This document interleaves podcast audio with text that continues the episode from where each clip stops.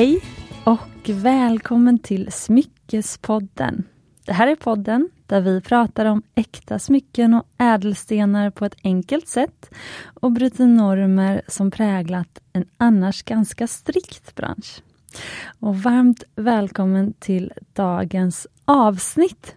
Idag har vi en spännande resa som ska starta, i alla fall för vår gäst. Men vi ska faktiskt få följa med på den resan. Ni kanske kommer ihåg att jag nämnt det förut, det var några avsnitt sedan. Men Fanny Furo, en av mina kollegor på Mumbai Stockholm och även en ganska flitigt återkommande gäst här i podden. Hon kommer i alla fall bli. Hon sitter här framför mig och hon är på väg att börja studera till Gemolog! Så roligt!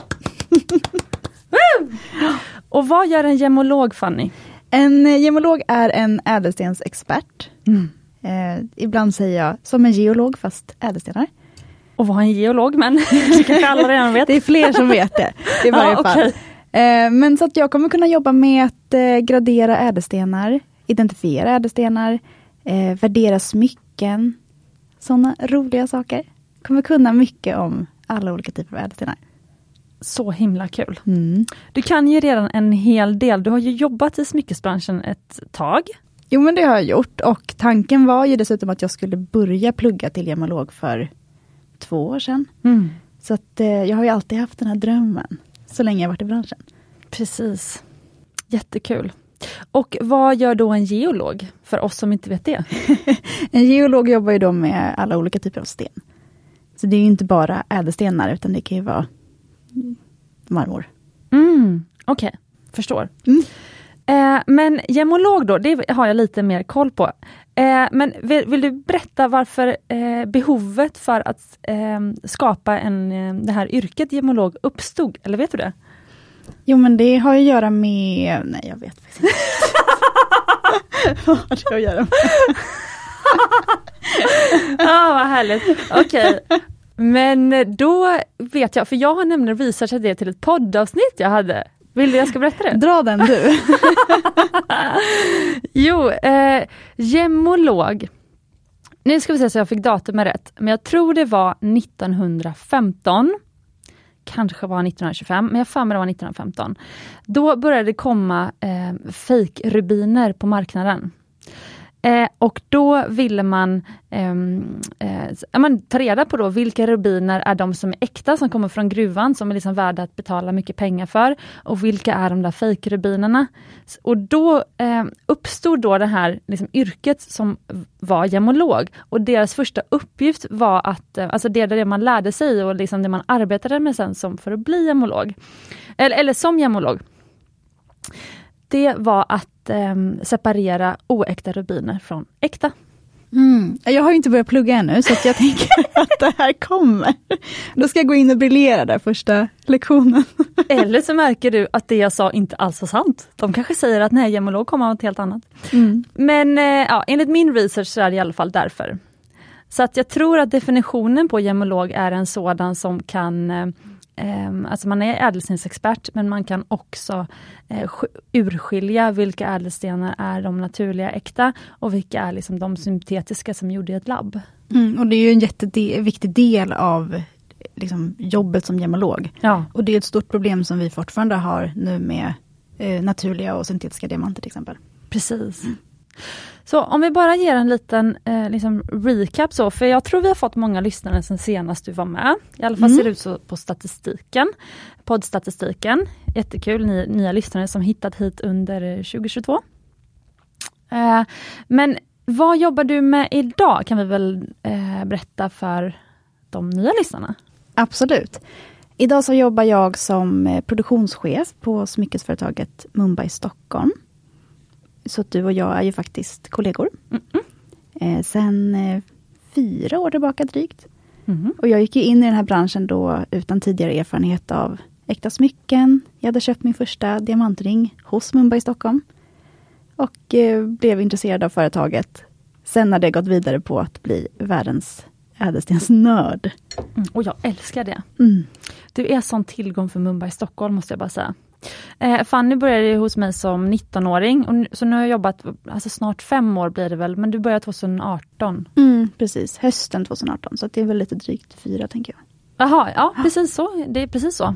Det känns som att du har, för du har lärt dig så himla mycket, det känns som att vi har känt varandra hur länge som helst. Mm. Eh, men när du började hade du ingen erfarenhet alls. Och nu har du blivit, eh, nu har du jobbat som produktionschef eh, på Mumbai Stockholm i över ett år, tror jag. Jag tror att det är snarare två, tre år. Två år kanske. Ja, kanske det. Jag har uppenbarligen ingen koll på åren här. Ja men det är också Men- en hel pandemi som vi bara har raderat ur minnet. Ja, att, det är ja. sant. Det är sant. Men det var ju också, så jag ska säga det, för att du har ju eh, blivit mer och mer ädelstensnörd och då har du fått mer av, nu köper du in alla våra ädelstenar. Eh, så att eh, du är ju den som liksom har kontakt med alla våra ädelstensleverantörer. Alltså jag märkte ju väldigt snabbt att du hade ju, alltså jag hade ju också den fascinationen för ädelstenar. Eh, och så liksom, vi connectade väl där, tror jag. Eh, och då kände jag bara, men det är det här liksom Fanny ska liksom jobba med om du ville det, och det ville du ju. Mm. Så du har ju lite grann skräddarsytt och min roll och skjutit mig i den riktningen. För från början jobbade jag också med kundtjänst och det har jag ju gått ner i nu. Precis. Och är mer specialiserad kundtjänst på specifika sourcinguppdrag där vi letar fram ädelstenar och så. Precis, så nu har Helena tagit över eh, kundtjänsten, vår andra kollega. Så du är ju nu då ansvarig för att eh, köpa in de flesta av våra stenar och du har lärt dig väldigt mycket. Men hur kommer det sig att du då vill bli gemolog? Räcker inte det? Du gör ju ett superbra jobb redan. Hur kommer det sig att du känner att du vill bli gemolog? Det är ju högst egoistiskt. Jag tycker det är så himla kul. Det är ju egentligen mitt största intresse. Smycken överlag, men sen väldigt bespetsat på ädelstenar.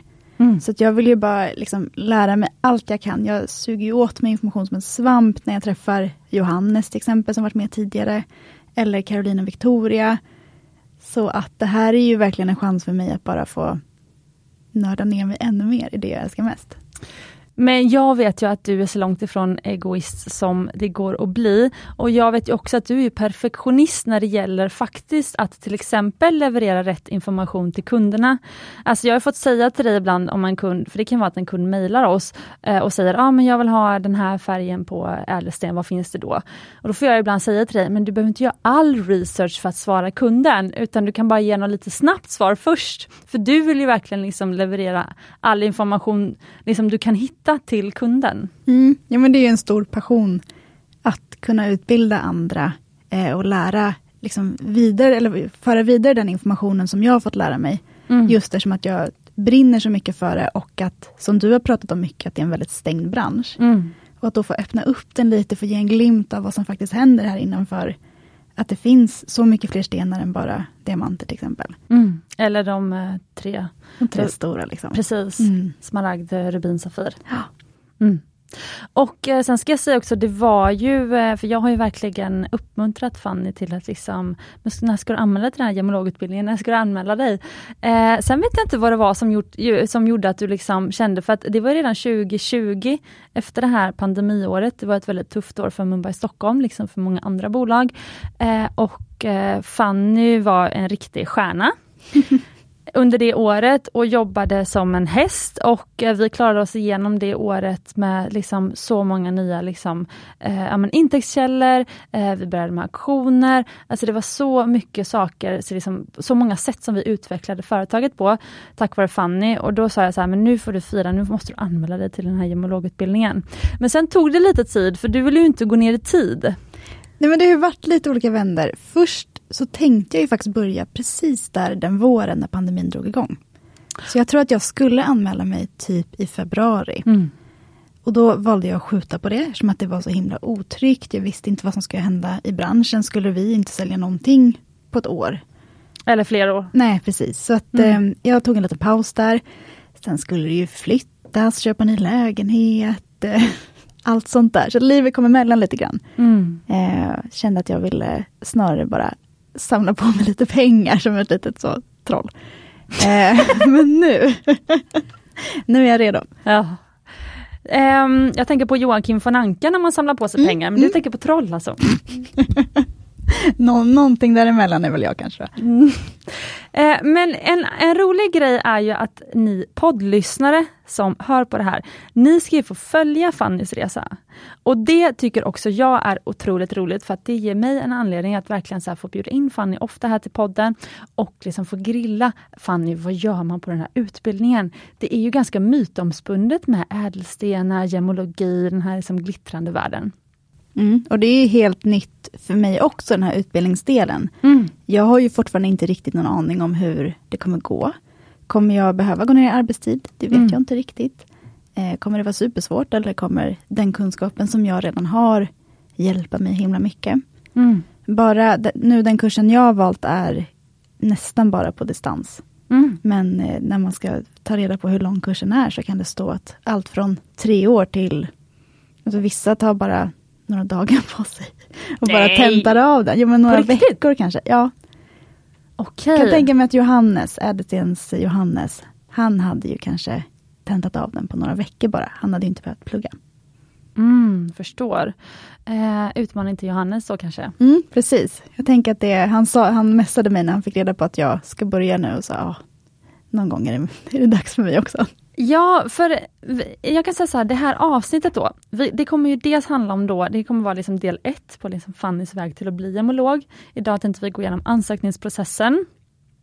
Eh, och kanske liksom vilka de första kurserna kommer vara och sådär. När det här avsnittet släpps, då kommer ju du alldeles strax hoppa på din första kurs. Ja, precis. Mm, så det är lite kul nu att liksom få höra dina tankar så här innan allt dragit igång. Det är väldigt spännande, för sen kommer de tankarna antagligen vara annorlunda när du väl har liksom hållit på Mm. ett tag. Eh, men sen ska vi också, vi har fått in en hel del lyssnarfrågor. Eh, och eh, Fanny, jag tycker ju redan att hon är en ädelstensexpert. Eh, men eh, hon kommer ju bli ännu mer ädelstensexpert då. Men Fanny har i alla fall väldigt bra koll på både ädelstenar, men framför allt också liksom hur man använder, alltså hur man implementerar liksom den kunskapen om ädelstenar i smycken. Eh, för Fanny har ju skräddarsytt smycken i flera år eh, till kunder på Mumbai i Stockholm. Eh, du har köpt in väldigt mycket ädelstenar, du har väldigt bra koll på färger. Eh, något som vi har jobbat med länge och som du är fantastisk på tycker jag, det är att kombinera olika färger på ädelstenar. Alltså hur kombinerar man färger för att det ska liksom bli eh, vackert i ett smycke? Det är liksom alla ädelstenar passar ju faktiskt inte riktigt ihop. Nej, så är det ju. Och det är ju en, en konst. Mm. Dels Precis. att kunna visualisera, men också att eh, bara veta när det är rätt. Precis. Eh, och det gör att jag också tycker att Fanny är perfekt för att svara på era lyssnarfrågor. För då och då, eh, även till och med utan att eh, jag ber om det, så skickar ni in frågor eh, till Instagram. Och vi har nu samlat ihop ett gäng frågor till Fanny. Eh, det har både att göra med ädelstenar, men sen också lite, för jag la ut igår också att, vi, att du skulle komma till studion Fanny. Så då har du även fått lite specialfrågor liksom, som faktiskt är riktade till dig. Vad roligt. Men så dagens avsnitt kommer handla om vägen till att bli gemolog med Fanny. Och svar på lyssnarfrågor. Tjo! Ja, låter det bra? Ja, det blir jättekul. Då kör vi!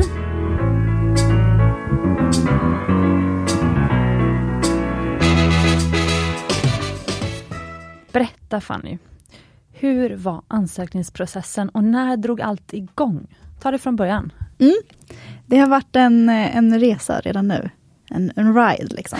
Eh, jag, dels eh, från början så handlade det om att välja vart jag skulle utbilda mig. Det finns ju faktiskt olika aktörer inom den här branschen. Mhm. Många utomlands. Mm. Eh, och där gäller det att hitta någon som dels har den profilen som du söker, utbildar på det sättet, eller den informationen som du vill lära dig. Och också hitta någon som är seriös och respekterade branschen. För att Mm. du kan ju liksom hobbyutbilda dig eller utbilda dig hos någon som kanske inte anses vara en seriös aktör och då kommer inte det vara värt så mycket. Den gemologi, liksom, eh, det diplomet. Men vet du vad som krävs för att få liksom, bli licensierad liksom, gemologutbildare eller gemolog, gemologiskola? Det har jag faktiskt ingen koll på. Jag tror att de flesta väljer liksom de största aktörerna. Som har ett bra rykte och de har ju såklart blivit då godkända på något vis. Men jag vet, faktiskt inte vad det är för... ehm, För vilken organisation är det som certifierar gemologer? Det är ju de olika eh, Instituten. instituten som finns. Till exempel då GIA som jag har valt, Gemological Institute of America. De är ju bland de största i världen att certifiera gemologer, men också att eh, gradera stenar. Mm. Så där vet ju jag att de har ju ett starkt, bra rykte på, liksom på marknaden. Mm. Det är de stenar som, de diamanter som vi använder i Mumbai, Stockholm, Mm. i våra smycken. Så att jag vet ju att det är någonting som jag redan har fått ett bra intryck av och vill liksom lära mig mer. Mm. Jag vill lära mig mer av dem. Men det är ingen utbildning som har med liksom högskolor och universitet att göra då? Inte vad jag vet om, utan eh, alla de här utbildningarna är ju institutioner, icke liksom CSN-berättigade, Mm. eh, inte högskoleutbildningar. Mm. Sen finns det ju lite olika, jag vet i Sverige finns det ju lite olika typer av utbildningar inom den här branschen. Eh, Också som har att göra med ädelstenar eller slipning eller så. Eh, Men det är ju ingenting liksom lika brett och stort och välrespekterat som de här stora utomlands, som jag har förstått det. Mm. Nej men för att det lilla jag vet om Johannes utbildning, Johannes är ju eh, VD för Ädelstensgruppen och han är en av de mest kunniga inom färgstenar, alltså alla ädelstenar som inte är diamanter i Sverige. Eh, han är ju en eh, ung kille eh, som startade när han var ännu yngre. Eh, alltså han har ju eh, startade ju sitt företag när han var 15 Mm. och nu är han väl eh, 27, 28 eller något sånt där. Ja, närmare 30 tror jag. Ja, okej. Eh, och han har varit med i podden i flera avsnitt eh, tidigare. Eh, men jag vet i alla fall att han gick ju på Chalmers eh, och gick ju liksom en sån eh, natur, naturvetenskaplig utbildning. Mm. Inom något avancerat i alla fall med bergarter och mineraler och hej och hå. Men gemologutbildningen skulle man nästan kunna se då som en liksom, yrkesutbildning kanske? Ja, snarare. Mm. Det är ju då förbereder dig för det rent praktiska jobbet som gemolog. Precis. Men det är ju väldigt aktat för att du kan ju, när du har blivit gemolog, eh, du kan ju berätta om vilka typer av eh, jobb du kan få då. Men till exempel är det om man kan bli certifierad eh, värderingsman Mm. av Svenska Handelskammaren. Precis som Carolina och Victoria. Precis. De båda är ju utbildade gemologer och jobbar nu med dels gemologi men också att värdera. Mm. Du kan ju också jobba som gemolog, det, det vill säga sitta dagarna i ända och gradera stenar. Mm. Du kan jobba liksom on-site i olika gruvor med diverse. Eh, så att som gemolog så har du ju en bra, eh, vad ska jag säga, du har en bra stund, ståndpunkt på marknaden. Precis. Att du kan ta dig in i olika saker som kanske inte är renodlad gemologi, men inom branschen. Mm. Eller som jag, produktionschef. Det gynnar ju mig jättemycket att eh, kunna mer om ädelstenar. Verkligen. Eh, men berätta om utbildningarna, för den du valde sen då, eller vilka utbildningar var det du valde mellan om man säger? Mm. Det har ändå varit ganska lätt för mig att landa i GIA, Mm. Gemological Institute of America. Mm. Dels för att eh, jag har pratat till exempel mycket med Johannes. Jag har Mm. pratat lite med Carolina Victoria. Lite med andra eh, branschkollegor som jag har. Mm. Som kanske har gått de olika utbildningarna eller har hört mycket om de olika. Eh, det jag fastnade lite för med GIA är att de, det låter kanske inte så bra när jag säger det, men det är väldigt amerikanskt och lite mer kommersiellt. Mm. Att det förbereder för den faktiska marknaden. Mm. Vad ska man fokusera på när man säljer? Vad ska man titta efter? Eh, Vilka ädelstenar är de som faktiskt säljer? Man förbereds lite inför det faktiska yrkeslivet. Mm. Medan många andra utbildningar är lite mer fokuserade på det rent liksom tekniska. Hur är den här stenen uppbyggd? Varför? Hur växer den i eh, bergarten? Det får man ju också lära sig hos GIA. Men det kanske inte är lika mycket fokus på det Mm. så den är inte lika, lika nördig. Jag har ju en dröm om att sen gå vidare kanske på någon brittisk eller någon sån som är lite mer nördig, kanske en i Asien. Mhm. Eh, ta några sådana kurser också, men att börja med GIA som grund. Och det är också så många gemologer gör, att de går ju lite här och var. Det finns ju Mhm. alltid mer att lära sig, så en utbildning kommer ju inte lära dig allt som finns att veta om alla ädelstenar, för att det finns ju så otroligt många. Och det är så mycket som kan skilja liksom, beroende på, du har pratat om liksom, eh, hur, vad är det för kaotiska förhållanden vid eh, när en sten växer. Mm. hur det kan påverka. Mm. Eller Johannes pratar om den här bergarten ger en sån här sten. Den här bergarten ger en likadan sten fast det är den här skillnaden. Alltså det, det finns så himla mycket man kan lära sig. Mm. En utbildning hinner inte gå igenom allt. Mm. Så att många tar ju faktiskt lite olika. Mm. Och eh, till exempel de asiatiska utbildningar som finns, de är lite mer fokuserade på den marknaden. Och vad är det för skillnad på den marknaden och vår marknad? Ja men det är med att jag sitter ju på den här liksom västerländska, lite mer amerikanska. Man handlar ju mycket i Europa från USA till exempel, däremellan. Så det är lite mer relevant för mig. För att mina närmsta leverantörer, de sitter ju liksom här. Sant. Så ansökningsprocessen, för den höll ju på i, ett par månader. Eller Ja. du höll på med den i alla fall i ett par månader. Ja men det var lite att fixa och dona, det är mycket frågor. Det är mycket, men det är ju lite amerikanskt liksom. Jag, nu, jag har tänkt att jag är lite fördomsfull, men de har också bekräftat mina fördomar om att det kanske är lite gamla system, lite krångligt, lite liksom irrelevanta frågor. Ehm, så. Som har du hund eller inte? Ja, lite så. Men eh, nu har jag i varje fall fått in min ansökan, blivit godkänd, allt sånt där. Sen var det ju också till exempel stipendium som jag sökte. Mm. Eh, mycket med liksom det finansiella, det här är ju sånt man får betala ur egen ficka. Och utbildningen ligger på strax över 100 000, distansutbildningen. Eh, sen finns det ju också on-campus-utbildning, Mm. där man kan utbilda sig i olika delar av USA, man kan utbilda sig i Asien via GIA, Mm. eller i London till exempel. Mm. Och sen eh, labbkurser som då är, då måste man vara på plats.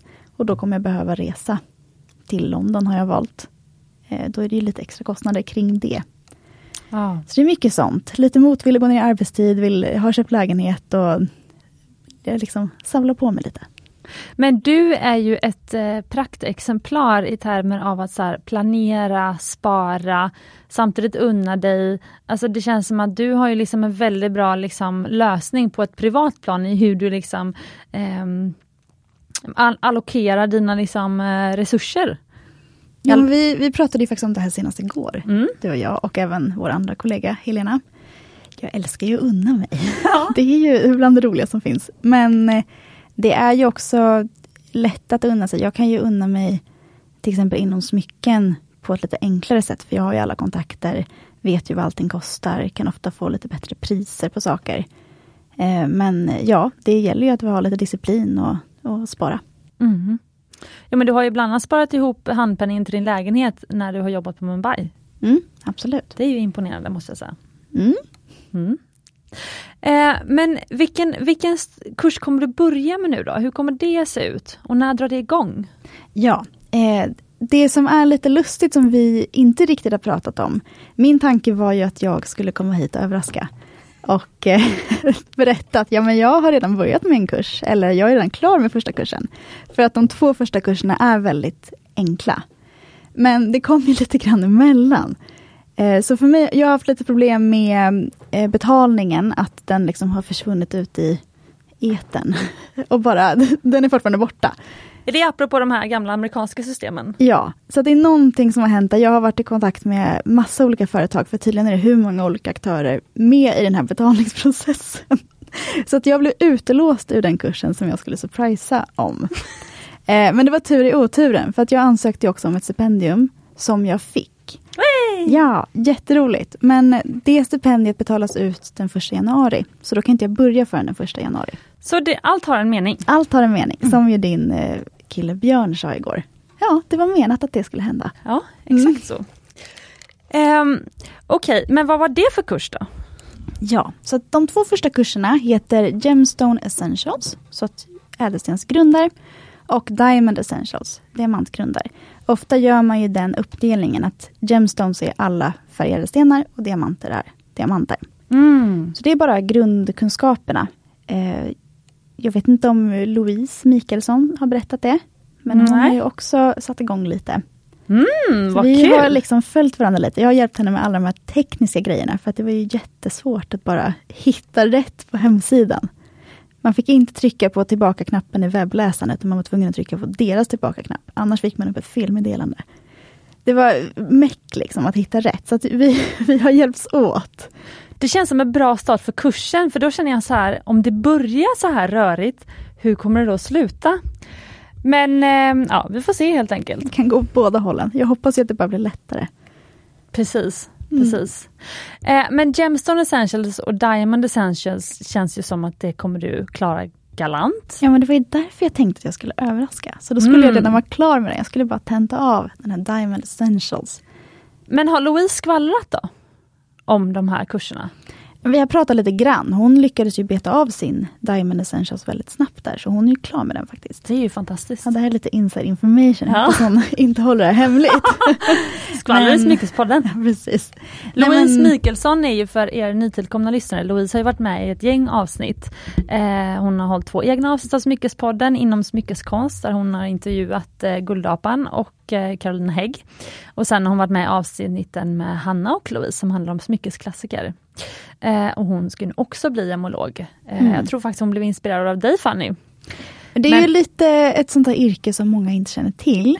Mm. Och hon älskar ju den här branschen, hon älskar smycken, älskar ädelstenar. Så det känns ju som att det var helt rätt väg för henne också. Och väldigt roligt att ha att ni två kan följas åt. Ja. Så att vi, vi kör lite sådana checkups ibland och träffas och bara pratar av oss om hur svårt det är att ansöka, hur tanken då hur, hur en kurs är, sådana grejer. Mm. Men ja, jag har ju fått höra lite grann. Det, det verkade inte vara några konstigheter med den kursen. Men när kommer kursen avslutas då? Ja, men det, I och med att det är på distans och man får ta det helt i sin egen takt, mm. då har de bara slutdatum. Så att eh, till exempel de här första kurserna, då har man tre månader på sig. Mm. Vissa kurser, då har du ett år på dig. Mm. Så det är väldigt olika beroende på hur svår den är. Mm. Jag kan tänka mig att många gör som jag, att man jobbar samtidigt kanske plugga på kvällarna. Jag vet i USA är det väldigt många som skickar sina säljare på den här utbildningen. Mm. Många företag. Mm. Mm. Så det är lite olika, men jag siktar ju på att vara klar under nästa år. Så himla kul. Och nästa år är då 2023? Ja, precis. Jag tänker Fanny att vi kommer släppa det här, nu är det början av december, det är första december när vi spelar in det här. Eh, det har precis varit Black Weekend. Mm. Eh, väldigt spännande för oss som jobbar med att sälja smycken. Eh, och, eh, men jag tänker att jag kommer släppa det här avsnittet i december. Men jag vet inte riktigt exakt vilket datum. Eh, så nästa år för, för dig som lyssnar då just nu blir i alla fall 2023. Då. Mm, precis. Mm. Så att vi, vi får se där, sitter vi här om ett år och jag är färdig eller har det gått åt helvete. Nej, det tror jag inte det kommer ha gjort. Eh, men det kan ju, kommer helt klart antagligen stöta på utmaningar som du inte trodde, men det är det som är roligt med sådana här resor. Mm, absolut, och det är mycket logistiskt. Redan nu måste jag ju leta upp boende för mina labbkurser. Mm, I London? Ja, sådana saker. Mm, jobbigt problem. Mm, eller hur? Mm. Men om nu någon sitter hemma, eh, där hemma och blir inspirerad, eh, då kanske man funderar på om det behövs några förkunskaper eller så. Eh, du, nu sa ju du att eh, själva ansökningsprocessen var lite mäckig, men var det mer än att bara hitta rätt och klicka i, fylla i rätt saker eller är det liksom, behöver du bevisa någon arbetslivserfarenhet eller någon, du har ju eh, pluggat gymnasieutbildning tidigare. Mm. Så, så det behövdes ingen högskoleexamen innan då? Nej precis, och de har ju krav på high school eller då motsvarigheten i landet du kommer ifrån. Okay. Eh, och det är ju då gymnasie. Så det var inga konstigheter. Eh, man skickade in bevis på det. Och mm. där var det lite klurigheter i och med att de har ju krav på till exempel att man ska kunna engelska. Man ska ha bra sån, liksom, engelska kunskaper. Mm. Det behöver vissa skicka in bevis för. Jag slapp det eftersom att jag eh, gick engelskt gymnasium. Mm. Men också att betygen ska skickas in på rätt sätt. Det ska skickas direkt från skolan eller från liksom, staten. Mm. Eh, på engelska sådana grejer. Så för mig var det faktiskt lite enklare än för många andra, eftersom att mina betyg redan var på engelska. Jag behövde bara liksom höra av mig till den skolan. Mm. Men eh, ja, det var ändå lite fram och tillbaka, lite liksom, oklarheter ibland. Även nu sökte jag ju stipendium i samma veva. Och även där var det ju lite så, fick lite samtal från USA mitt eh, sent på kvällen, typ. Där de mm. hade lite frågor och allt sånt. Men eh, ja, det, det, har varit lite, lite fram och tillbaka. Det är mycket, mycket, mycket frågor också. Uh, brottsregister, uh, vart jobbar dina föräldrar, uh, sådana grejer. Ja, ah, men det kanske har att göra med att alltså man vill ju att de som jobbar i liksom, med diamanter och ädelstenar ska vara hederliga personer. Tror inte du det kan ha att göra med det? Nu, eh, alltså nu, eh, som Hanna säger, jag killgissar friskt. Men jag tänker också att det är lite som när du söker ett nytt jobb och de ber om brottsregistersutdrag. Mm. Det är väl lite att man vill veta vem det är som kommer skicka betalningar till en. Jag glömde ju be om ditt brottsregister när, eh, när du blev anställd, så jag kanske får be Dia då. Ja, precis. Jag var ju väldigt på dig om det sen när vi skulle anställa en ny. Jag bara, men det här med Ja. brottsregister Cecilia. Precis. Fanny är mamman i vår relation om ni lyssnare undrar då. Jag är mamman i hela teamet. Ja, precis. Men eh, så det betyder då att den som lyssnar nu och blir inspirerad, så det handlar mer om att så här, man ska verkligen vilja bli gemolog, så man eh, liksom pallar ta sig igenom den här, eh, de olika de här hindren. Men det krävs i princip att man har gått gymnasiet och sen är det fritt fram. Ja, precis. Och Fantastiskt. de verkar ju inte vara, liksom, de är ganska frikostiga med att eh, de har kurser som startar varje tisdag. Vissa kurser startar en gång i månaden, men det kommer ju nya kurser löpande. Mm. Man behöver inte sitta och vänta. I Sverige är det ju liksom, startar vi vår och startar vi eh, vid hösten om man söker högskola. Mm. Men här är det ju liksom hur mycket som helst. Så Mm. de vill väl, tänker jag, tjäna pengar och utbilda nya gemologer. Precis. Men en sak bara innan vi går in på lyssnarfrågor sen och lite rundar av just eh, den här delen av poddavsnittet. Eh, jag vet ju att det krävs ju, för du, vi pratade, du frågade mig om det bland annat, alltså hur eh, att det krävs en del investeringar i utrustning. Och att man då behöver sitta någonstans och sådär. Kan men du berätta lite det. om det? Utöver de här 100 000 kronorna så Mm. är det ju också i det finstilta. Ja, men den här kursen kräver utgiftning, eller, ehm, utrustning Mm. som eh, kostar 30 000. Köp den här hos oss och sen är den alltid slutsåld. Mm. Eh, men det Det var inte så bra business. Nej, precis. Men jag tänker att det kanske var, eh, kanske är så ibland. Liksom. Ja. Men det, du behöver till en kurs, då ska man kunna identifiera massa färgade stenar. Så de skickar hem ett stort kit till dig. Mm. Och det här ska vara den svåraste kursen. På provet får du liksom inte ha några fel. Oj, det är ju i och för sig kunna- viktigt. Ja, jo men en precis. som jobbar som värderingsman ska ju inte göra fel Nej. sen då. Det ska ju bli, det ska Ja. ju vara liksom 100% rätt när du identifierar stenar. Mm. Men då behöver man lite olika grejer. Bland annat ett mikroskop som då är ju den dyraste eh, investeringen i den, hela den summan. För ett mikroskop kostar ju lite. Mm. Och där har jag fördelen att eh, jag jobbar i en bransch med hemskt mycket trevliga människor. Mm. Så att jag bara hörde runt lite och det var liksom flera som var så här, ja men sitt hos oss eller du kan låna mitt eh, Mm, mikroskop. Mm. Bland annat eh, Karl som har varit med i podden. Nej, springa? Ja. Ah, vad kul och gulligt. Jag träffade honom första gången på mässa. Han stod och representerade Sveriges gemologiska riksförbund.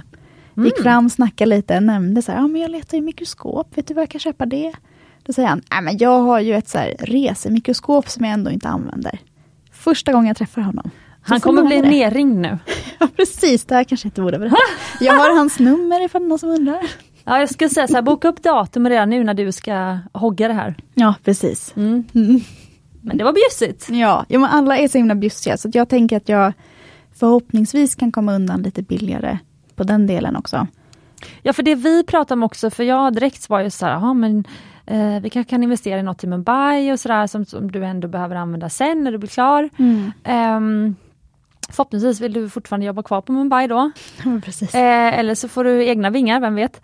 Eh, men, ehm, men sen så pratade vi om det här och då sa ju du det att så här, men du vet ju inte än heller vilket mikroskop du i så fall kanske vill köpa. Alltså, för ens verktyg sen som är så här, eh, privat, alltså så här, de blir ju väldigt personliga. Ja men det har jag ju redan, ingen får ta min pincett. Nej, Precis. men så är det ju absolut. Jag vet ju inte vilken typ av mikroskop jag kommer vilja ha eller hur mycket av de här prylarna jag faktiskt kommer behöva. mm. Eh, nu köper ju vi till exempel in våra ädelstenar från källor som vi litar på. Mm. Eh, och det finns ju en hel del utrustning som hade varit kul att ha, men det är ju en enorm investering som i så fall kan få komma lite senare ifall det blir aktuellt. Mm. Eh, så det är just det, jag tror att det är bra att ha lite is i magen och inte bara köpa på sig en massa prylar som man sen inte använder. Ja, Men speciellt också för jag tänker att det som är när man blir mer och mer kunnig inom ett ämne, ofta vet man ju inte vart man sen liksom blir passionerad.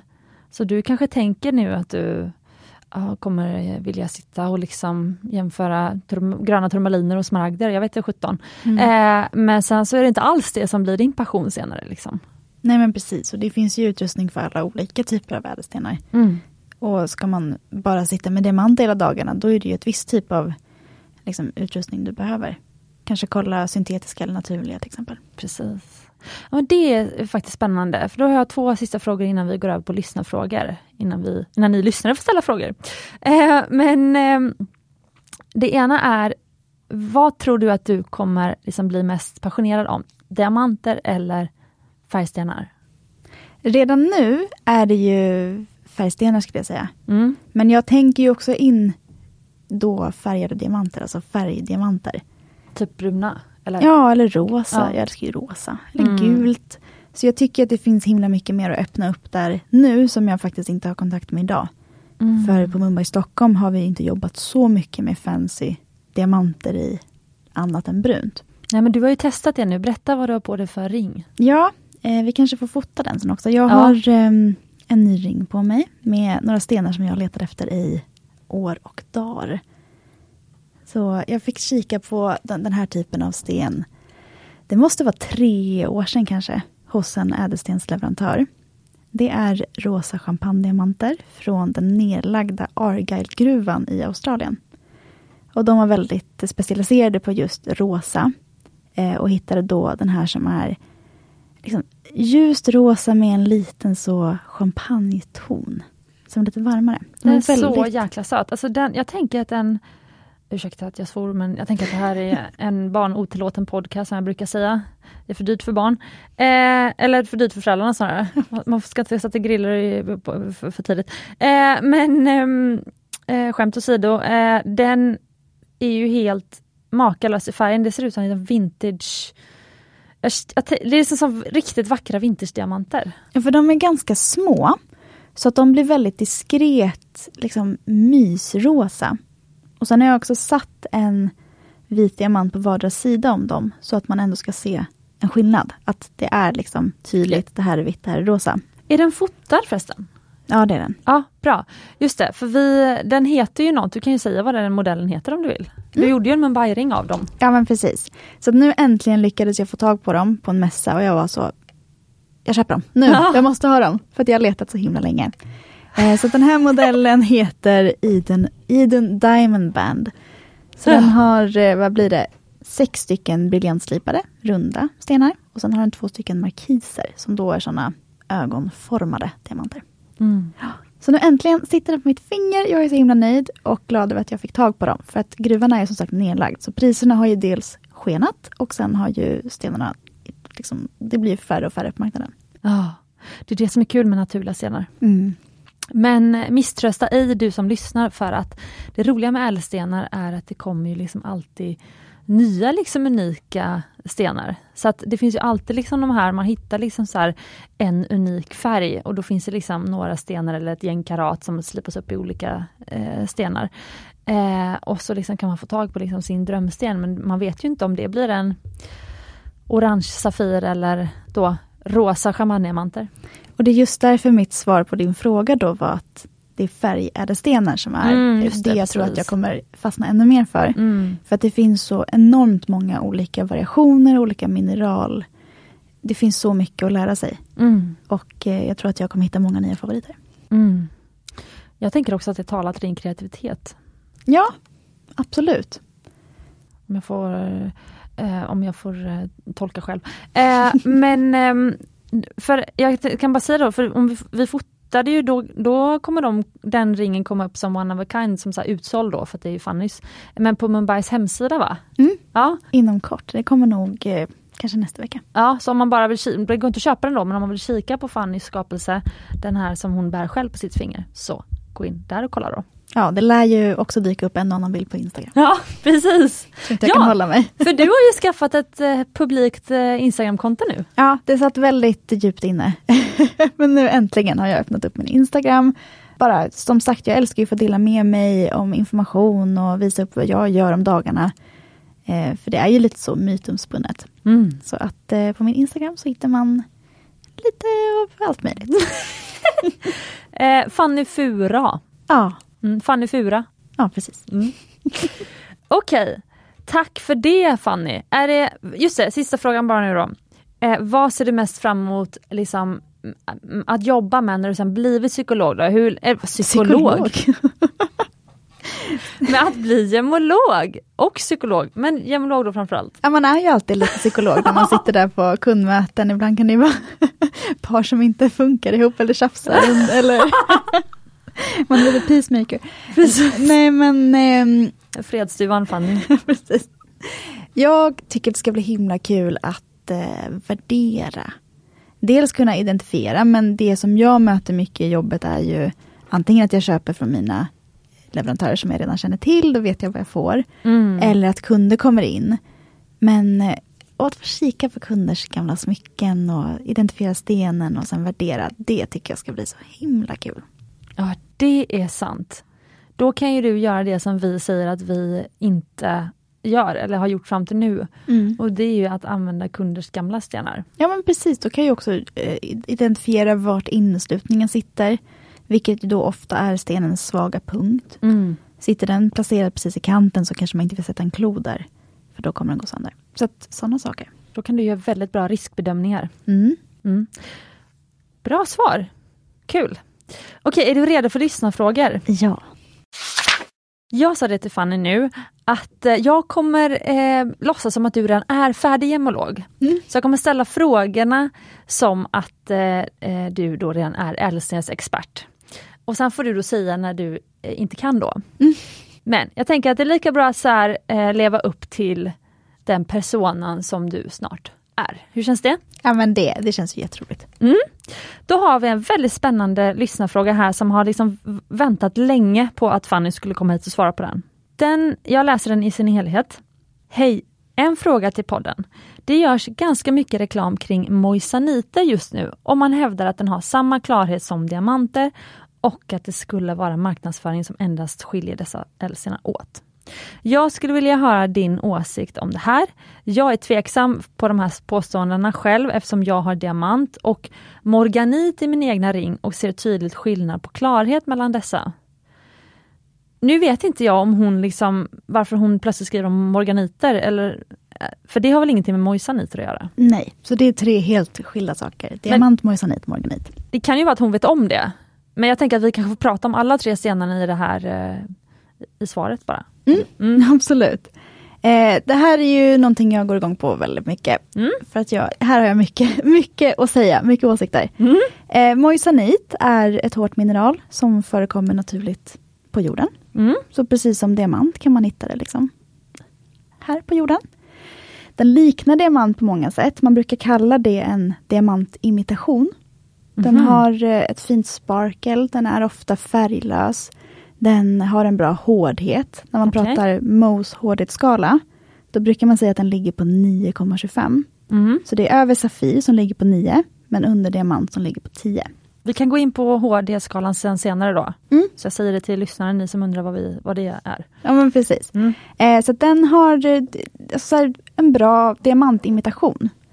Det som ehm, jag lite grann mm, ställer mig lite skeptisk till. Mm. Det är att trots att den förekommer naturligt så är det så, så minimala storlekar.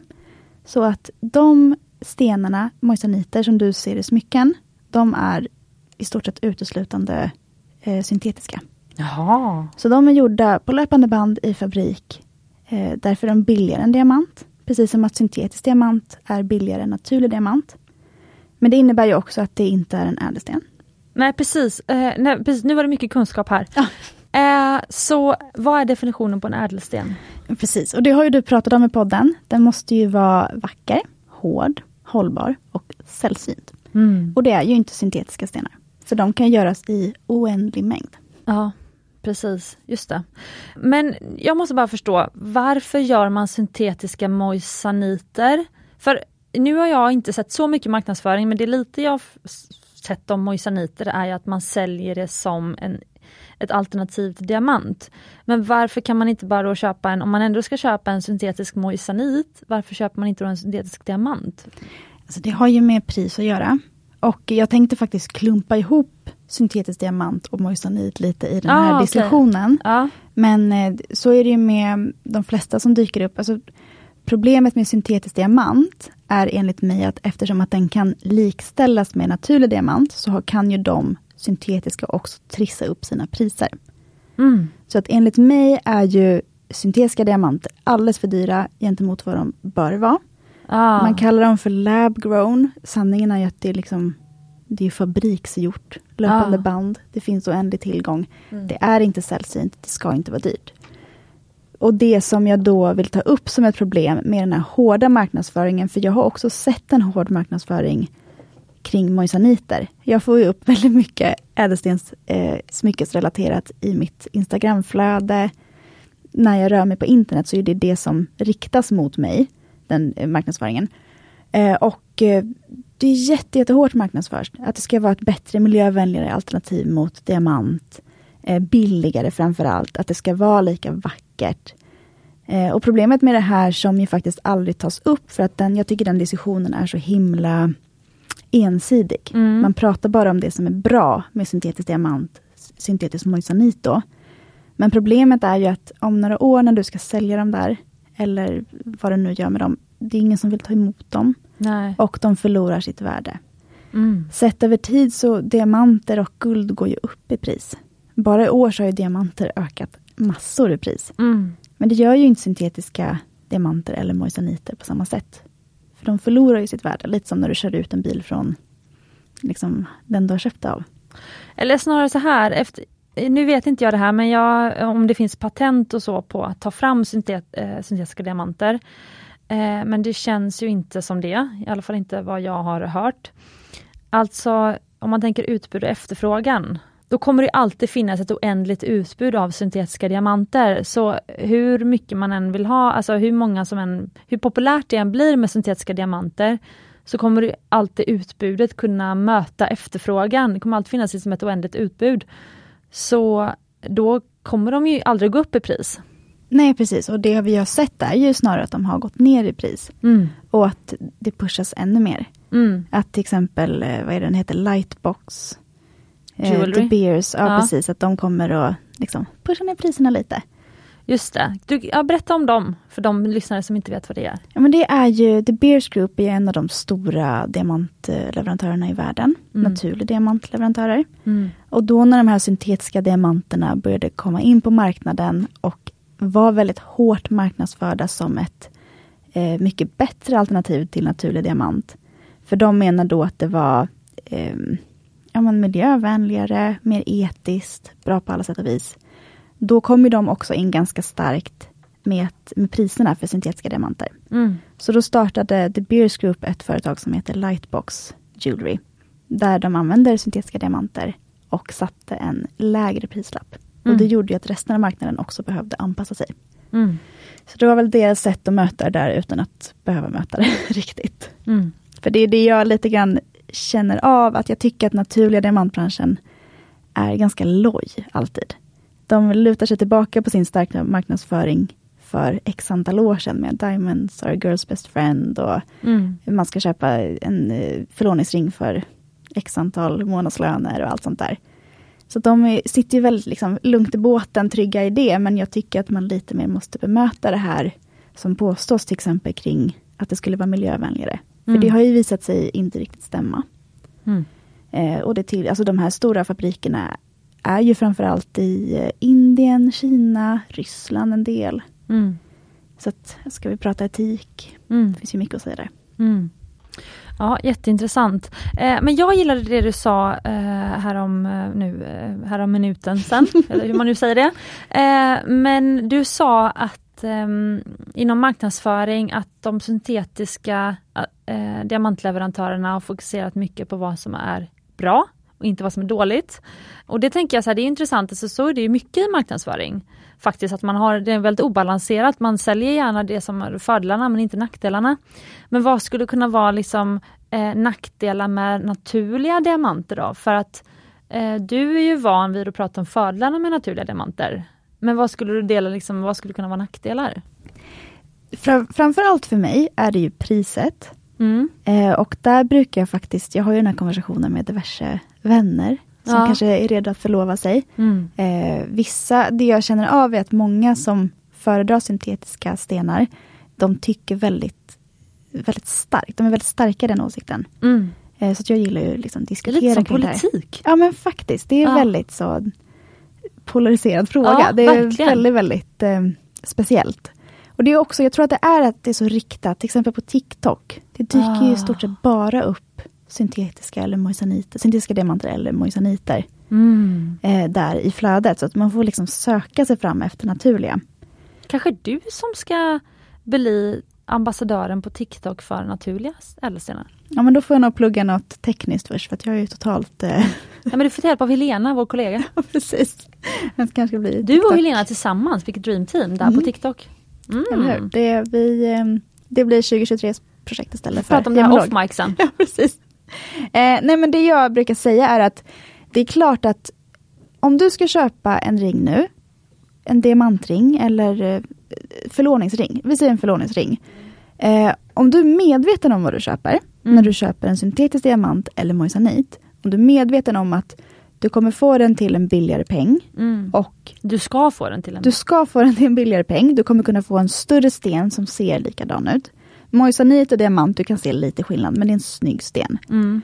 Eh, och de flesta kommer inte reagera. Mm. Eh, bara du är medveten om att ska du sälja den så kommer du inte kunna sälja den till ett bra pris. För Kaplans och Bukowski så tar de emot syntetiska ädelstensmycken? Inte vad jag vet. Inte i varje fall eh, diamanter. Nej. Det är en annan grej med till exempel rubiner, för där ser man ett historiskt värde i när syntetiska rubiner var poppis. Ja precis. Mm. Så att det, det kanske blir något sånt sen med syntetiska diamanter. Just var det, liksom- den fluga historien. Ja, 10-talets stora grej. Eh, nej men, eh, så att bara du vet om vad det är du köper, då tycker jag att det är ett eh, superalternativ. Mm. Så. Men, eh, och det är väl nackdelen då med naturliga diamanter, att de är dyra. Och de kommer ju nog aldrig bli billiga, tänker jag. För det är fortfarande stor efterfrågan, liten, relativt liten tillgång. Mm. Och jag tror att diamanter, det är inte en fluga, utan det är något som kommer hänga med. Eh, men sen så finns det också det, jag tänker att, för vi br- brukar ofta prata om det och det är också därför som nu har ju vi eh, liksom, alltså vi har ju länge haft antikdiamanter till försäljning. Men det har varit så svårt att få rullning på det. Det känns som att liksom eh, Ja vi säljer några per år men det har liksom inte varit och, eh, liksom så stor efterfrågan. Så att en av våra stora mål är ju liksom att så här, liksom få igång det lite mer som ett alternativ till syntetiska diamanter. För att om man tänker resursmässigt att så här, eh, ja, att bryta nya diamanter och så vidare eller att eh, göra, återskapa liksom den processen som tar miljarders år i naturen, att återskapa det på tio dagar i ett labb. Eh, det är ju extremt eh, resurskrävande eller energikrävande att eh, bryta diamanter i gruvan, även om det har blivit mer effektivt nu, om man inte behöver bryta lika mycket för att liksom hitta stenarna. Eh, då är det också resurs energikrävande. Men de eh, stenar som redan finns i omlopp, det är ju som liksom vad som helst som är begagnat. Alltså det är ju det som är det allra bästa ur ett miljöperspektiv. Så ur ett miljöperspektiv borde ju alla vilja ha antikdiamanter som är ute efter liksom gröna liksom, eh, diamanter. Jo, och det är ju, om man ska säga, en, ytterligare en nackdel då med både syntetiska och naturliga diamanter. Att det är ju resurskrävande, tar ju på miljön. Mm. Så är det med de flesta produkter som tillverkas. Men jag väljer att se det som en fördel, Mm. då eftersom att diamanter är så himla hållbara. Mm. De, du kan ha dem i generation efter generation. Mm. Så vi har ju faktiskt inte bara sett antika diamanter, som ju är gamla diamanter som är liksom gammelslipade. Innan man hade sådana här jätte, superbra verktyg för att slipa extremt symmetriska stenar. Mm. Så nu har vi ju briljantslipningen som den populäraste slipningen i världen med ett eh, liksom bestämt antal facetter, det vill säga vinklar som ska optimera ljusinsläppet och Ja. studsandet och gnistret. Eh, det finns ju också återvunna diamanter som är modernt briljantslipade. Det Ja, kommer ju det. bara bli mer och mer på marknaden i bättre och bättre kvalitet ju högre krav vi ställer på slipningen och liksom vilka ädelstenar vi använder. Så att det går ju att få tag på redan nu. Och det är återvunna diamanter som är modernt slipade. Det, skillnaden från dem och antikdiamanterna är då att de har fått liksom eh, slipats i modern tid. Så det kan ju också vara antikdiamanter som har slipats om till att få de här perfekta vinklarna. Eller? Ja precis, så Ja. det säger ju ingenting om hur länge stenen har funnits på marknaden. Nej. Man kan ju alltid liksom snygga till en slipning eller helt göra om en slipning. Mm. Eh, det enda är att du förlorar material. Mm. Så att det, det där, jag tänker att eftersom att det här är en produkt som, om man investerar i den här produkten, då kommer den hålla väldigt, väldigt länge. Mm. Då finns det också mycket möjligheter. Istället för att köpa nytt, ja men använd, ta ditt guld och återvinn och använd samma sten igen. Det är en av mina sådana här, varför jag älskar att du ska bli gemolog. Eh, en av mina så här, drömgrejer är att du ska kunna då liksom köpa in eh, unika antikslipade stenar. Eh, som vi liksom kan sätta i smycken till kunder. Eh, och det som är med de antikslipade, de har ju generellt inga GI-certifikat. För att ur GIs, liksom ut, ur diamantcertifikatens synvinkel, för diamantcertifikaten eh, reglerar ju, eller bedömer ju de fyra sena. Eh, alltså carrot, color, cut. Cut som är slipning. Eh, och ehm, ja, nu glömmer jag allt bort vad den sista. Eh, förlåt, Carrot, clarity. ja just det, och klarheten, exakt. Alltså de antikslipade diamanterna, det är så att säga meningslöst att få JI-certifikat på dem, för de kommer alltid få en usel slipning, bli Mm. bedömd som så här, eh, ja, väldigt dåligt slipade. Så att det som krävs för att kunna liksom då köpa och hitta väldigt bra antikslipade stenar, det är ju då att man har en gemolog, som Fanny då ska bli, som bedömer själv. Du kommer då själv sätta, vad är klarheten, vad är färgen på det här? Så som Carolina och Victoria gör. Eh, när de säljer via sitt företag Jewelry Escape, alltså då har de bedömt själva eh, liksom hur, vad, vad har den här diamanten för kvalitet och så prissätter man den utifrån det. Och eh, slipning då blir ju bara som en sån här eh, jag brukar säga att eh, då är det, det set som man säger då är skärm. Ja men precis, det var precis jag satt och hade på tuggan här. Att, att man tittar ju på skärm när det kommer till antikdiamanter. Precis, inte katt. Nej, precis. Eh, och GIA har ju då Gemological Institute of America som vi pratar om, som är bland de största certifierarna i världen. Mm. Som utfärdar då intyg eller eh, rapporter kallar de det. Mm. Eh, de har anpassat sig lite grann till antikslipningarna för de som vill ha då certifikat på det. Mm. För att även vi har sålt antikdiamanter med certifikat. Det går ju Mm. alltid att skicka in din sten. Eh, men det är just det att eh, slipningen, de kan benämna den som till exempel Old European Cut. Ibland är de lite så statiska och vrånga i eh, bedömningen. Lite svåra. Men Mm. eh, däremot just att man får ha lite överseende med slipningen. Så man går på bara känslan. Precis. Eh, men nu eh, känns det nästan som att vi, eh, nu glömde jag nästan bort att vi höll på att svara på lyssnarfrågor, för det här var ju så intressant. Eh, men morganit, bara, hon nämnde ju morganit, kan inte du förklara lite, lite så kort vad det är, så att, eh, för lyssnare som, som hörde det ordet första gången? Mm. Alltså morganit är ju en helt annan ädelsten. Mm. Eh, Så här pratade vi moissanit, morganit, diamant. Och det är ju olika mineral. Eh, Mm. Morganit tillhör beryllfamiljen. Mm. Där har du till exempel akvamarin, heliodor, eh, smaragd. Mm. Smaragd är ju en av the big three, alltså bland de kändaste och mest populära stenarna i världen. Men eh, morganit, det är en eh, ljust, ljust rosa sten. Ofta så babyrosa, väldigt snäll. Beryll hitta- hittas ofta i lite större storlek. Så att morganit eh, kan du få ganska stora stenar till lite billigare pris. Och om vi ska gå in på hårdhetsskalan igen, Mose som vi skulle prata lite om. Då ligger den på 7,5 till 8 Mm. och diamant är 10 högsta. Så att eh, det är en ganska bra hårdhet. Den Mm. brukar klara vardags, eh, liksom att bära sig i ring till vardags. Och det som kan tilläggas är väl att, alltså, för du sa att det är helt olika mineraler, Eh, det är ju att diamant, det ju, består ju bara av kolatomer.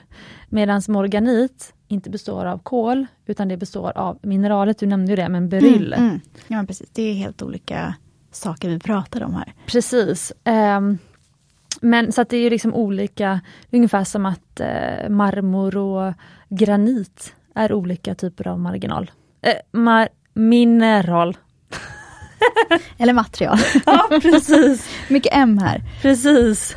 Nej men precis, att eh, morganit och hon pratade om att den kan se lite, liksom inte klar ut. Eh, och den har ju till exempel lätt att bli lite cloudy, att den blir smutsig och den skiner inte igenom. Och det har ju med liksom ljusreflektionsförmågan och sådana grejer. Mm. Eh, så det är ju något helt annat då med moisanit, för att den har en bra reflektion. Det blir gnister, en bra hårdhet, allt sånt där. Så det är en, då en diamantimitation och det är ju inte en morganit. Nej, men är, eh, har den väldigt högt brytningsindex, eh, moisaniten? Mm. För det är väl det i så fall som gör att um, diamant och moisanit gnistrar så mycket jämfört med till exempel morganit och speciellt om det blir lite smutsigt. Ja men precis. Uh, jag tänker att uh, beryllen inte har så högt bry, uh, brytningsindex så att den, den blir mer dimmig. Ja, Det bekräftar då snart gemolog Fanny. Ja, precis. um, ska vi se, nästa fråga. Det handlar om rubiner. Då har vi här. Hej, jag vill gärna höra mer om rubiner. Färg och slipning och när blir en rosa safir så rödaktig att det kallas en rubin? Om det är färgen som skiljer, vem bestämmer när det så att säga slår över? Om det är så det går till. Gärna mer om detta med Johannes och Fanny står det. ja tyvärr så uteblev Johannes idag. eh, nej men det är en jätteintressant fråga, för att Mm. det är ju också någonting som diskuteras i branschen. Mm. För att rosa och rött ligger väldigt nära. En eh, ljust röd blir ju rosa. Eh, så att det är en, en bedömningsfråga och det ligger ju i den, liksom hos, ansvaret ligger hos den gemolog som bedömer. Och där ser man ju mycket problem med att ja, men den är egentligen rosa, men kanske att det finns någon röd ton. Jag kallar den rubin för då kan jag sälja den dyrare. Mm. Så att det är ju faktiskt ett, ett stort problem i branschen. Det visste inte jag. Men det, det är samma sak, det kan jämföras också med diamanter. Du får en gemologiutbildning och alla följer ju samma riktlinjer. Är man GIA-utbildad, då har man ju den Graduate Gemologist-utbildningen. Då ska du följa de här riktlinjerna.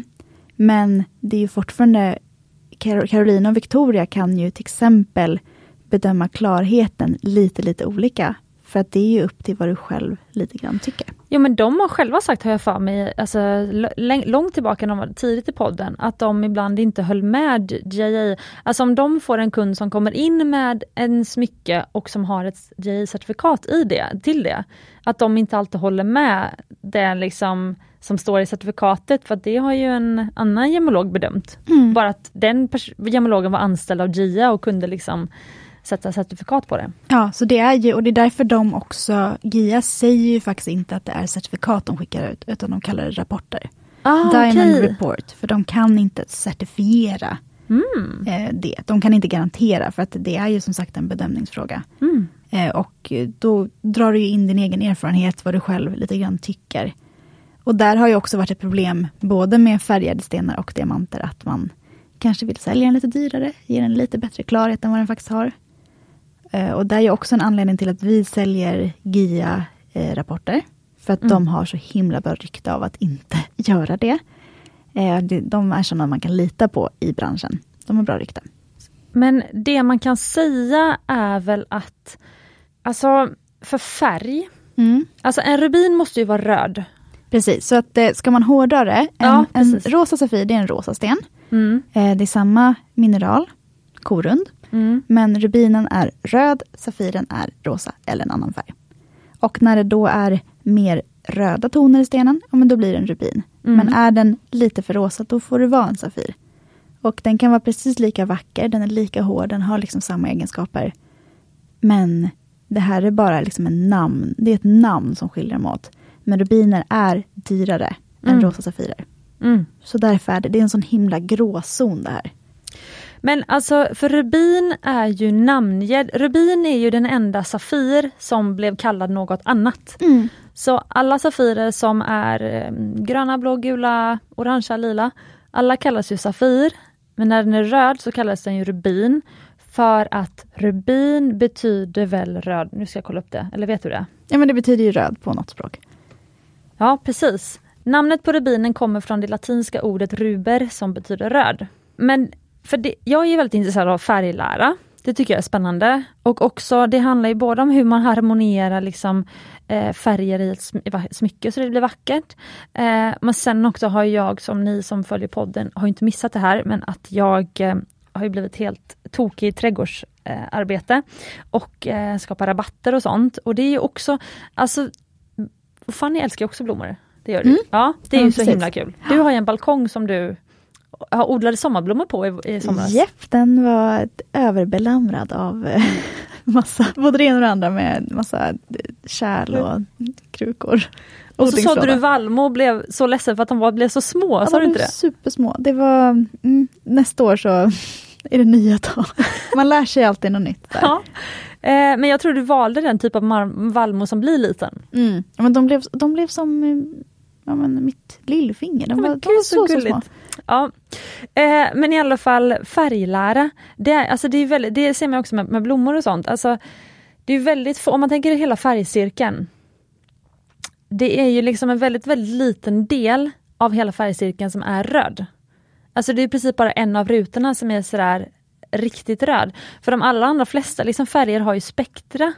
Eh, alltså för jag tänkte på det här, jag har för mig, jag vet inte vad jag fick därifrån, men jag tror jag lyssnade på någon podd och så kom de in på färglära, men jag har faktiskt glömt bort det här. Men det här har fastnat med mig. Och så sa de så här, eh, nej men alltså för att typ gul och blå, då finns det så här eh, ljusgul till så här knallgul och så blir det orange. Eh, blå finns det så här ljusblå till liksom mörk, mörk, mörkblå och sen så blir det purpur. Alltså röd är ju i princip bara röd, det är ju typ en liten, liten del av färgcirkeln som är röd, det är en ruta. Och sen är ju resten så här ljus, ljusrosa, ja i och för sig vinröd kallas det ju i och för sig. Eh, så, men att just färgen röd är det spektrumet som är liksom eh, minst nästan, förutom typ Ja men till och med vitt, för vitt, ja, fast vitt kanske blir lite för sig beige då. Ja det är väl nästan som vitt och svart, det är, näst, det är en så här absolut färg. Så därför tänker jag också att så här, rubiner blir ju också så liksom eftertraktade eftersom att om man tänker att i hela färgskalan, om man, man tänker att Safir, hela färgskalan finns ju Safir. Och rubin är bara en enda liten, liten, liten tårtbit som kan vara en rubin. Liksom. För, Mm. Förstod? Ja, men jag förstår vad du menar. Och det, alltså jag tänker, de har ju lite samma problem med blåa safirer. Det finns ju olika blå nyans som ger olika värde på stenen. Mm. Det finns ju liksom Royal Blue till exempel som är super eftertraktad. Då vill man gärna få in stenen i den kategorin. Mm. Så jag tror att det här är ju någonting som är ett problem inom flera olika färger i Safir och andra ädelstenar. Även, jag tänker de här Pink Champagne-diamanterna som jag har på mig. Att kalla det Pink Champagne, det är lite grann att rebranda för att kunna pusha på att det är en rosa diamant. Den är inte så superrosa som vissa, som de dyraste, de som är mest eftertraktade. Men kallar man det Pink Champagne, ja de har champagnetoner, men det är ju lite rosa också. Mm. Och då kan jag trissa upp priserna. Men, men jag vet ju bara själv när jag eh, gjorde inköpen på rubin och när vi skulle sätta liksom, vad är vår Mumbais rubinfärg. Då fick jag ju så här, nej men jag vill inte ha orange, röd, brun, röd, liksom ljusröd, alltså den ska vara knallröd. Eh, så att det finns ju liksom bara ett ganska smalt spektrum av färger på rubin som är knallröd. Men det finns ju ganska många eh, sådana här lite så här ful, fulröda som har liksom någon ton åt något håll, men de är ju inte vackra. Ja, och jag har ju ofta stött på liksom rosa stenar enligt mig, som då kallas rubiner. Jaha. Och jag känner att det här är ju inte en, den är ju inte, ro, eller den är inte röd, den är Nej. rosa. Och även då som blir för orangea. Eh, en av de mest populära färgerna heter ju Pigeon Blood. Mm. Jag vill ju inte köpa den enbart på grund av namnet, för jag tycker Nej. det är så äckligt. Men det är ju lite mer som så rost, rost eh, ja, Ja. djup. Men ja, det är supersvårt. Det, det är ju just att termen rubin är ju ändå ganska bred då, om man ska få in både det rosaktiga, det orangeaktiga, det brunaktiga. Och då att hitta den true red-färgen. ja, alltså det som folk vill ha när folk tänker röd. Alltså jag har aldrig fått sålt en brunröd rubin. Alltså då hade ju man, de kunder blivit besviken, utan det är ju liksom den här, eh, ja men den här, vad ska jag säga, den här liksom, eh, eh, höll på att säga Pretty Woman-röda, men vad ska man säga, vad ska man kalla det? Tom, tomteröd. Ja, tomteröd, precis, det är Ja. den liksom. Och det har jag, nu när jag ska köpa min rubinring så var jag så extremt picky. Det fick inte vara någon ton, det skulle vara liksom specifikt den röda. Exakt. Så det är lite klurigt, det är ju därför det också behövs gemologer tänker jag. Och det handlar ju om så mycket mer än bara det som graderas på ett papper. Utan Precis. ofta behöver man ju se stenen och få känna av den. Precis. Eh, jag tänker att man kanske hittar sin favoritgemolog också, som man litar på. Ja, vi tar ju upp Carolina och Victoria om och om igen för att de är ju bland de bästa. Ja men du hade mig. ju någon sån kund också, det var så gulligt i helgen på Black Weekend. Hon mejlade ju och så sa, du sa ju, du berättade igår, att hon hade sagt, ah, jag brukar inte ta så snabba beslut. Ja, just det. Ja, jag en, eh, man får ju så härlig kontakt med kunderna. Och då kan man ju också, då litar de ju till slut på ens eh, yrkeserfarenhet och ens åsikt. Och då, vi sitter ju ofta på möten och säger, nej men ta den där för att du var så himla snygg i den. Eh, den här färgen funkar så bra på dig. Att man liksom lite grann också kan säga, nej men lita på mig. Jag, Mm. jag ser att du, det är den där ringen du ska ha. Eh, och lite så under då, när man säljer via mail, fick jag då eh, känna av igen under helgen att eh, man får ibland bara gå in med sin yrkeserfarenhet och säga att det här är en jättefin sten. Jag hade också valt den här. Kör på den. Mm, Bara våga liksom. Sen får du komma och titta på den efter. precis. Ehm, men ehm, nu, för, nu, apropå det röda har vi kommit in på en annan spännande lyssnarfråga. Jag tror faktiskt att eh, det här får bli den sista. Men vi har ju massa mer frågor, men det är bara roligt för då har Fanny, eh, då, då finns det liksom en outsinlig eh, eh, mängd ämnen att eh, fortsätta på nästa gång du kommer till podden. Jag har en ursäkt att komma tillbaka. Ja, exakt så. Så det är fantastiskt. Men det var ju nämligen en fråga om granater. Nu tappade jag bort den här frågan så nu kan jag inte läsa upp den som den var, men den handlade ju typ om att eh, varför är inte granater mer populär? Ja, varför är den eh, liksom inte populär? Varför är den ganska billig? Eh, Mm. Så. Ja, för du fick läsa, jag gjorde ett nytt grepp nu, att du fick frågorna innan eh, för att eh, det var spännande att se liksom vad du skulle få för, för svar. Och du har ju även snackat med Johannes om det här vet jag. Eller du har Mm. snackat med Älvstensleverantörerna för att få ännu en bak i ledet. Ja, precis. Och då får jag ju reda på lite sånt. Jag har också pratat med ja, men någon infattare till exempel om det här. Så jag har lite så här äh, plockat små ur godisskålen, bara favoriterna. Ehm, men granat heter ju garnet på engelska. Mhm. Det är också en ädelsten. Hårdhet och hårdhetsskalan 6,5 till 7,5. Ja, vi gick aldrig in på det. Det måste vi också gå in på. Det tar aldrig slut det här avsnittet. Jag hinner väl med det här. Ja, men kort, vill du gå in på HD kort kort? Ja men eh, Mohs hårdhetsskala är en av de liksom, välanvända som används mycket i branschen. Eh, den mäter ju då hur, om du repar ett material, Mm. om det får repor eller inte. Mm. Och den går ju från ja, men, 0 till 10, där diamant är det hårdaste. Det Mo då kom fram till är att det är en diamant som kan repa en diamant.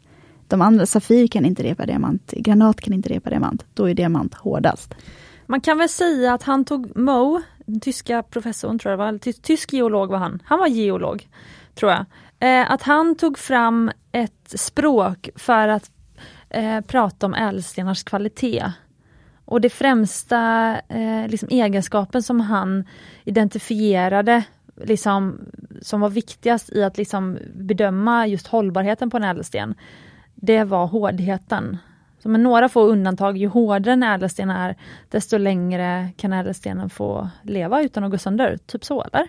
Mm, så får man ju komma ihåg att den är lite ensidig då eftersom att den mäter liksom hur saker repas. Ja, inte till exempel spaltbarheten, hur saker krossas. Nej, sant. Ehm, För en diamant kan ju krossas. absolut, men det är ju väldigt svårt att repa den. Mm. Men precis, så, så att den ligger på den här med hårdhetsskalan då, eh, hur den repas, 6,5 till 7,5. Mm. Och det är kring då, så att ni ska få en referensram, kring kvarts och turmalin. Ish, däromkring. För de, de som vet, de vet, tänker jag. Men okej, men vad är då en kvarts? Ja, men, ska vi gå in så på djupet nu? Nej men kvarts är ju ändå, alltså bergskristall, Ja, eh, citrin, ametist, sånt som man liksom kan köpa i om man tänker Josefin Dahlbergs butik Ola Moon Mm. och Kristallrummet i Gamla stan, när man köper liksom såna kristaller som liksom att ha hemma i bokhyllan. Det är ju kvartser. mm, Så kan man väl säga. absolut. De är ganska mjuka.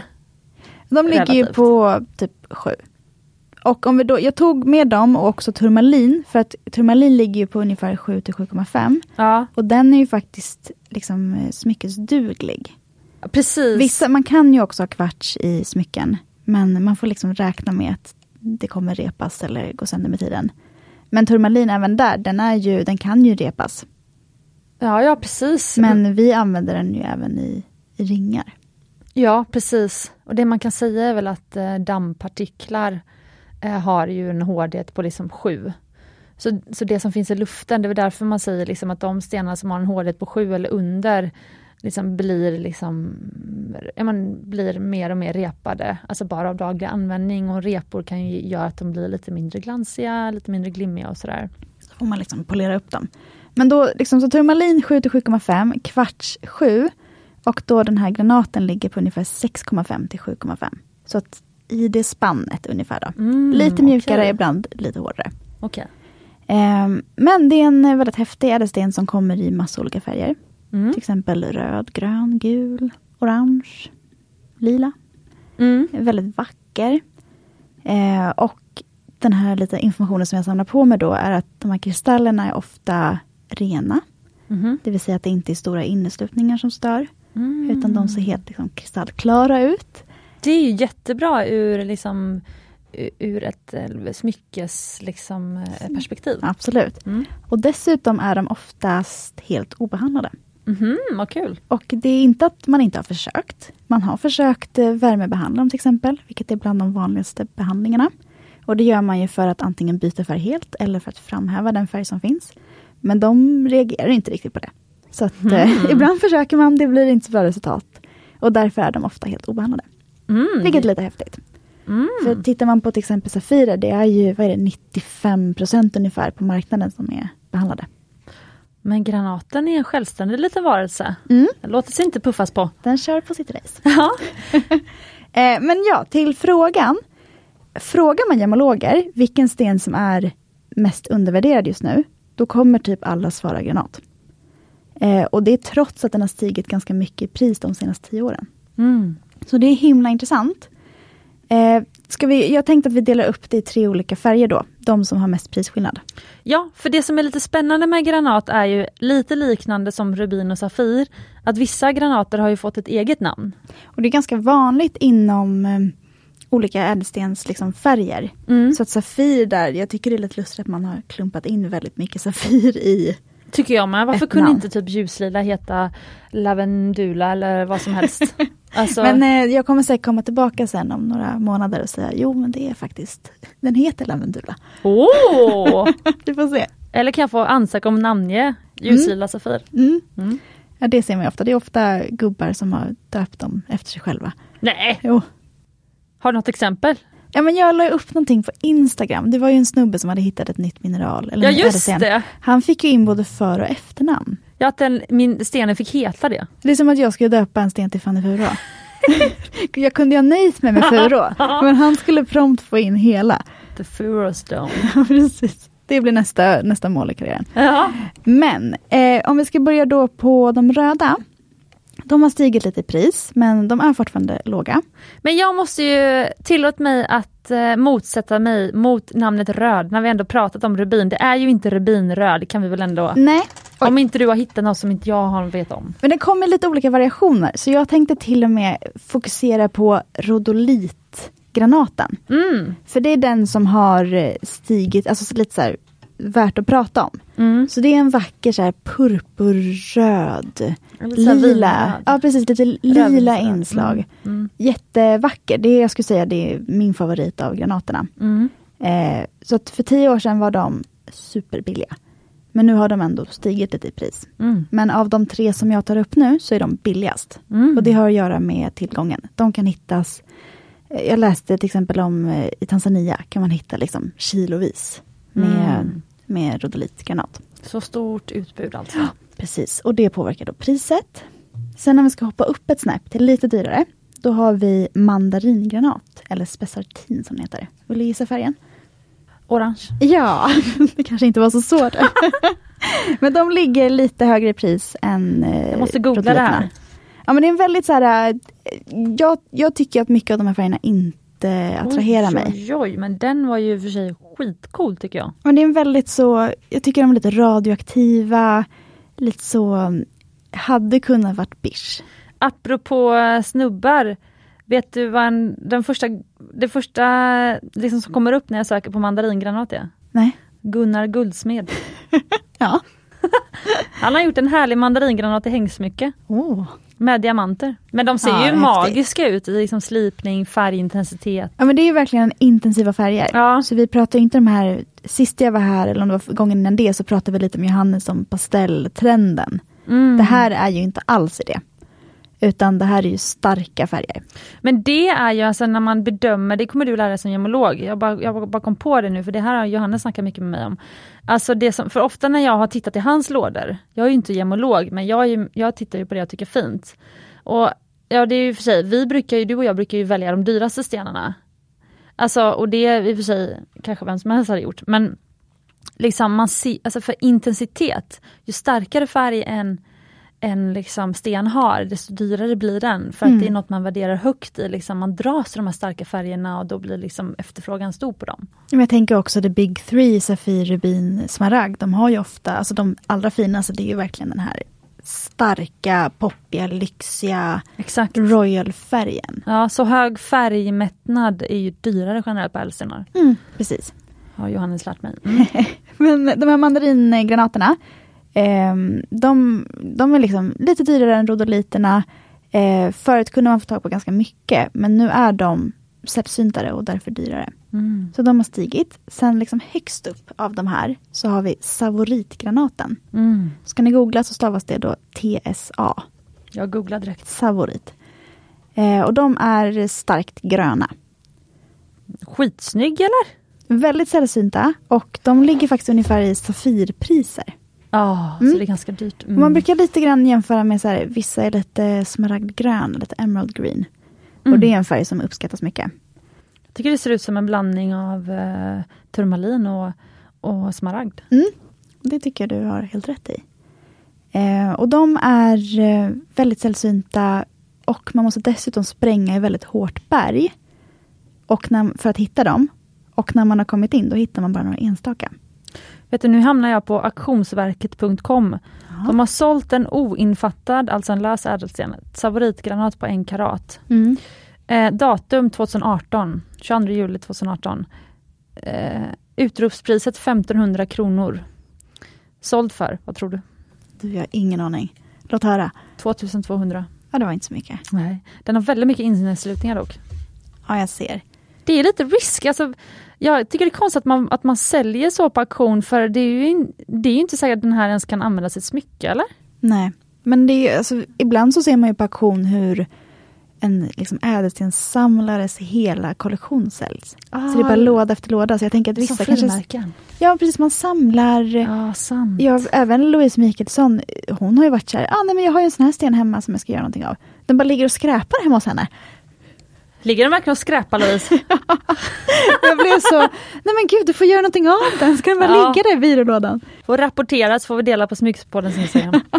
Man, liksom, man samlar på sig, det kan ju vara värt att lägga två och två på någonting som man tycker är vackert oavsett om det kommer hamna i ett smycke eller inte. Mm, det är sant. Mm. Tänker jag att folk Mm. resonerar. Mm. Eh, men så det var de liksom, tre färgerna som jag tycker är mest värda att nämna.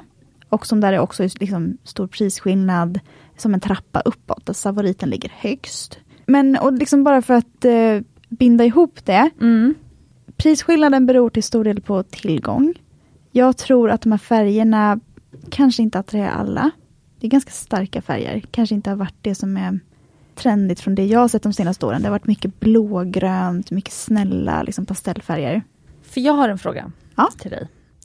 Varför har inte du använt någon av de här stenarna? Du har ju ändå fritt fram att eh, köpa in ädelstenar och skapa en one of kind smycken och auktionssmycken och så för Mumbais räkning. Mm. Jag föredrar ju lite hårdare stenar. Ja, ah, det är det. Jag gillar ju att sälja stenar som jag vet verkligen kommer hålla länge. Mm. Eh, det som är lite intressant som jag då har liksom pratat med ja, infattare och så om. Det är att slipare upplever ofta, och liksom infattare, granat, de upplever granat som ganska segt. Och eh, att det inte splittras så lätt. Så trots att det kan repas, jag ligger liksom på 6,5 till 7,5 på hårdhetsskalan på MOS, så Mm. liksom, det kan ju ändå vara skillnad i hur stenen faktiskt är när man faktiskt arbetar med den. Och att den är tålig mot stötar, Ja jag. men precis, så att den, liksom, den är lite seg, den splittras inte så lätt och det är ju faktiskt en fördel. Kan det då göra att den inte får flisor så lätt? Ja men precis, sådana såna saker påverkar ju det.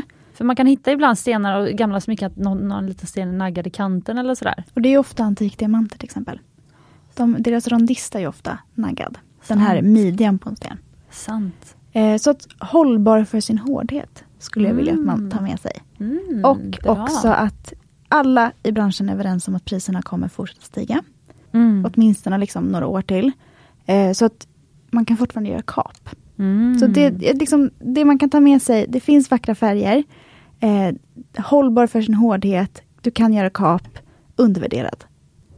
Bra, och då vill jag avsluta med att säga Dels eh, fick du då eh, högsta betyg på det här eh, granatprovet. Nej, jag tyckte att du hade gjort riktigt intressant research alltså. Men det är ju jobbat. så himla, det är ju här jag vill sitta med hela dagarna Ja, bara nörda ner mig. Jättekul! Mm. Eh, högsta betyg. Och sen så vill jag då ge dig ett uppdrag. Då tycker jag att du ska göra en eh, granatring till för Mumbai Stockholms räkning som eh, kommer ut som one of a kind ring. Så då får du det jobbuppdraget. Ja, det blir kanske till nästa avsnitt då, så kan vi visa upp några resultat. Faktiskt, antar Spännande. du eh, uppdraget? Ja, men det gör jag med glädje. Mm, kul! Eh, då måste vi avsluta här. Det här var ett härligt matigt avsnitt. Eh, är det någonting som du vill eh, skicka med lyssnaren som nu sitter hemma och eh, tänker på eh, kanske rubiner eh, eller granater eller diamanter eller gemologutbildningar? Jag tycker att det är kul att folk vågar ställa frågor. Mm. Och eh, jag tror att det är det främst som jag går in i den här branschen i. Att våga dra åt dig mer information. Mm. Liksom suga åt dig det du kan lära dig. Även om du bara letar efter en förlovningsring. För att det är bra att veta skillnaden på syntetisk diamant, naturlig diamant, moissanit. Alla sådana grejer. Så att liksom försök göra lite research, hör av dig till de som har koll. För att de vill gärna dela med sig. Även om du bara letar förlovningsring. Det var ett bra citat. Mm. Ja men vad kul, men då stort lycka till Fanny på din första kurs. Tack snälla! Och eh, jag kuggade min första kurs på Handels för många år sedan. Så det gör inget om du inte klarar provet, vill jag bara slänga med. Men det är bra att, att ta med sig. Mm. Tack. Kommer fler prov. Kommer alldeles för många prov. Ja. Så, mm. ja men tack snälla för att du tog dig tid att komma hit. Ja, men tack själva. Och- Hoppas vi får in ännu fler roliga frågor. Precis, Eh, så ställ frågor till Smyckespoddens Instagram, häng med där. Just jag ska eh, filma dina smycken också som du har i studion här. Eh, så där kommer det komma upp video och reel. Och sen så kan man hänga med Fannys egen Instagram då. Ja, precis. Fanny Fura. Jättekul. Eh, och eh, till dig som lyssnar också, just det, det, har inte, det var länge sedan jag sa det här, men om du som lyssnar eh, tycker om eh, Smyckespodden och vill att vi ska fortsätta, oj oj oj, här klirrar det med ringar, eh, eh, och vill att vi ska fortsätta finnas, så eh, det allra bästa hjälpen du kan ge är faktiskt att eh, ge en recension, alltså att eh, bara klicka i så många stjärnor du tycker vi är värda i din poddspelare. Så på Spotify kan du liksom scrolla högst upp så står det typ give a rating eller rate this podcast eller give a review eller något sånt där. Och eh, samma sak då i Apples eh, poddspelare, då kan du scrolla ner istället och så längst ner så kan du liksom ange stjärnor. Eh, och det kan du göra helt anonymt då. Eh, och eh, det är ett eh, väldigt bra sätt att eh, låta podden spridas vidare till liksom fler lyssnare, för många tittar ju på ratings när man liksom, är det värt att börja lyssna på den här podden? Liksom. Typ så. Så ge gärna ratings. Och eh, med de orden så säger jag och Fanny då eh, att ni är värda äkta smycken och fantastiska ädelstenar. Och färg.